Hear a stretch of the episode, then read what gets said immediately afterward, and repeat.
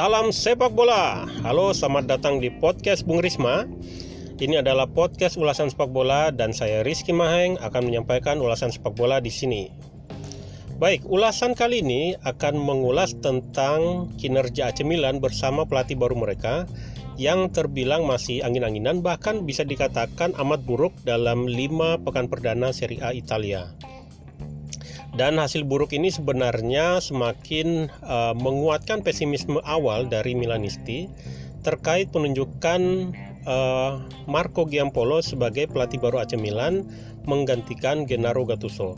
Yap, sebagai gambaran di awal musim AC Milan memang menggantikan uh, Gennaro Gattuso di posisi pelatih AC Milan dengan seorang Marco Giampolo yang sebenarnya secara rekam jejak tidak memiliki reputasi sebagai pelatih yang mumpuni.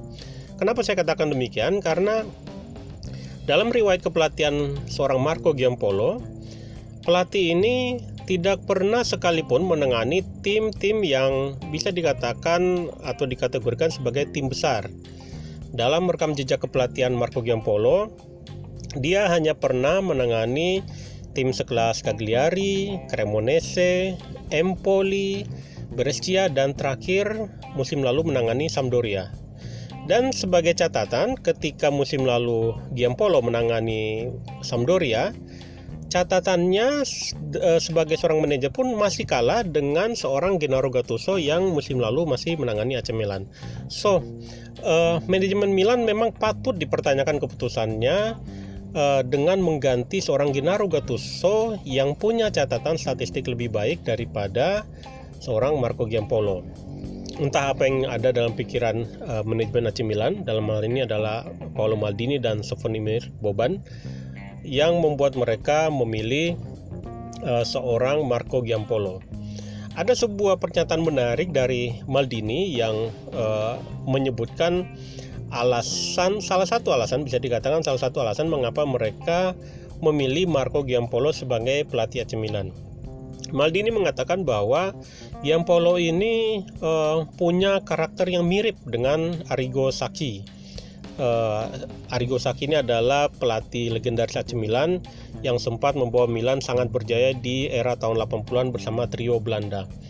Ya, uh, Arrigo Sacchi ini memang pelatih yang tadinya tidak begitu dikenal, tidak punya pengalaman melatih tim besar, tapi begitu menangani AC Milan, dia kemudian berhasil menjelma menjadi manajer yang hebat, uh, membawa AC Milan menjadi klub yang disegani di Eropa bahkan di dunia dan puncaknya adalah ketika Arrigo Sacchi dipercaya dipercayakan untuk menangani timnas Italia di Piala Dunia tahun 1994. So, uh, apakah uh, pernyataan Maldini bahwa Giampolo memiliki kesamaan dengan Arrigo Sacchi ini tepat adanya? Well, kalau kita berkaca dari statistik yang sudah dihasilkan AC Milan dalam lima laga kompetitif perdana di Serie A Italia bersama uh, Marco Giampolo, tentu kita bisa menyangkal habis-habisan pernyataan Maldini. Dalam lima pekan perdana Serie A Italia, AC Milan sudah kalah tiga kali. Mereka hanya mencetak tiga gol dan mereka sudah kebobolan lima gol. Jadi ini adalah tim yang uh, miskin di lini serang, kemudian rapuh di lini pertahanan, dan secara performa keseluruhan mereka hancur-hancuran. AC Milan uh, bisa dikatakan tidak menjadi lebih baik dengan kedatangan seorang Marco Giampolo. Di awal memang uh, Giampolo sempat uh, memunculkan optimisme karena uh, dia membawa satu pakem yang relatif menjadi pakem favorit AC Milan yaitu formasi 4-3-1-2 dan Giampolo memang selalu menggaung-gaungkan bahwa dia akan menerapkan uh, strategi bermain dengan mengedepankan pada pola permainan 4-3-1-2 yang uh, sempat membawa AC Milan begitu berjaya di tangan seorang Carlo Ancelotti. Nah, prakteknya ternyata tidak sejalan dengan uh, impian dari seorang Giampolo. Dalam perjalanannya, saya melihat bahwa Giampolo tidak uh, benar-benar mampu menerjemahkan uh, formasi 4-3-1-2 yang diharapkannya ke dalam skuad AC Milan. Dan saya melihat ini terkait dengan uh, kematangan seorang Giampolo dalam uh, menilai kualitas squad yang dia miliki lalu menempatkannya sesuai dengan uh, formasi permainan yang dia inginkan. Sebagai gambaran, dalam formasi 4-3-1-2 awalnya saya berpikir seorang Giampolo akan menempatkan uh, Paqueta atau akan Kahanyoglu sebagai uh, pemain yang beroperasi di belakang duet penyerang. Karena memang dua pemain ini uh, di klub sebelumnya punya tipikal dan punya karakter yang baik untuk berada di posisi tersebut. tersebut. Tetapi yang terjadi adalah uh, dan ini sebenarnya mengejutkan karena Giampolo terus-terusan memasang seorang Suso untuk bermain di posisi terkuartista yang berada di belakang e, dua penyerang. Dan ini sebenarnya terbilang mengejutkan karena ketika Giampolo hadir di AC Milan dan menggaung-gaungkan formasi 4-3-1-2, salah satu pemain yang e, sempat disebut-sebut akan hengkang dari AC Milan karena tidak sesuai dengan formasi ini adalah Suso. Seperti yang kita ketahui, Suso adalah seorang gelandang yang uh, bertipikal sebagai winger atau gelandang penyerang, di mana pemain dengan uh, karakter seperti ini sangat-sangat bagus untuk bermain dalam formasi 4-3-3 uh, dan ditempatkan di posisi penyerang sayap. Dan dalam formasi 4-3-1-2 sebenarnya pemain dengan karakter seperti ini bisa dikatakan uh, sulit untuk mendapatkan tempat. Tetapi kemudian yang terjadi bisa dikatakan penuh penuh dengan tanda tanya mengapa Giampolo malah menempatkan seorang Suso untuk terus berada di posisi trequartista di belakang dua penyerang. Kalau kemudian hasilnya e, bagus, tentu itu akan jadi satu hal yang menarik. Orang tidak akan banyak berkomentar. Tetapi dalam lima laga awal Serie A Italia, Suso tidak pernah uh, benar-benar memukau di posisi tersebut sehingga menjadi uh, satu pertanyaan besar kenapa Giampolo terus-terus saja memaksakan seorang Suso untuk berada di posisi tersebut uh, sementara di dalam skuad dalam skuad AC Milan saat ini ada dua pemain yang punya potensi besar untuk bermain di posisi itu yaitu Hakan dan Paqueta.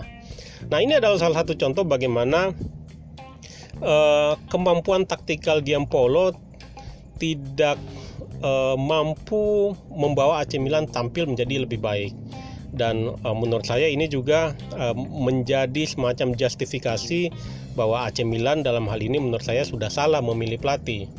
Mereka memilih pelatih yang belum punya rekam jejak untuk menangani tim elit sebesar AC Milan. Dan uh, terkait dengan pemilihan pelatih ini, ini sebenarnya seharusnya menjadi uh, pelajaran berharga bagi bagi manajemen AC Milan bahwa uh, permasalahan AC Milan yang tidak kunjung bangkit sejak terakhir kali mereka Scudetto tahun 2011 bersama Massimiliano Allegri adalah di uh, profil seorang pelatih.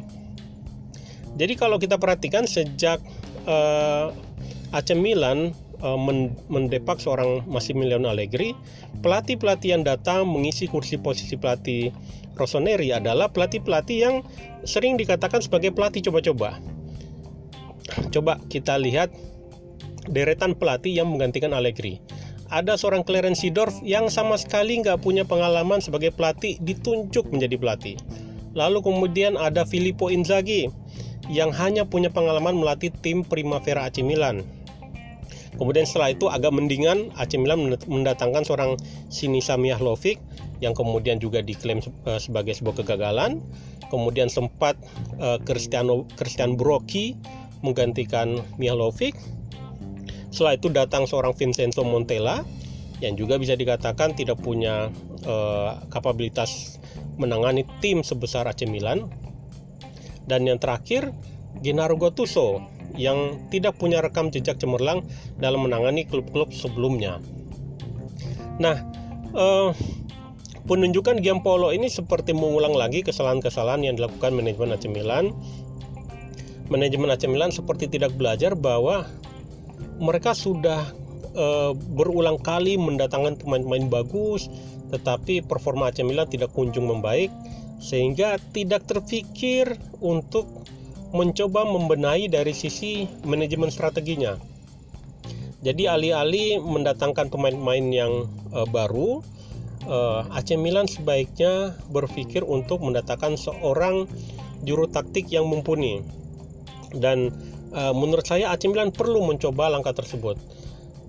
Dan uh, mumpung AC Milan baru menjalani uh, 5 pekan perdana Serie A Italia, perjalanan masih sangat panjang, masih banyak kesempatan untuk uh, melakukan uh, perubahan sebelum terlambat, uh, ada baiknya AC Milan berbenah dan pembenahan itu adalah di posisi kepelatihan. So, kalau kemudian AC Milan membuat keputusan yang uh, drastis musim ini dengan memecat Marco Giampolo, saya uh, termasuk orang yang setuju dengan keputusan tersebut karena memang kunci permasalahan AC Milan selama ini adalah di uh, kepelatihan dan uh, tidak usah khawatir sebenarnya uh, dengan calon-calon pengganti dari Marco Giampolo. Begitu banyak pelatih di luar sana yang saat ini uh, tidak terikat dengan pekerjaan dan uh, rasa-rasanya mereka juga tidak akan uh, langsung menolak ketika ditawarkan untuk menangani klub sebesar AC Milan. Coba kita perhatikan ada Jose Mourinho, Arsene Wenger, Laurent Blanc, Frank Rijkaard, ini adalah deretan uh, pelatih yang uh, saat ini masih available untuk didekati AC Milan untuk uh, mencoba menjajal posisi di uh, juru racik strategi AC Milan. Baik, itu saja untuk ulasan kali ini.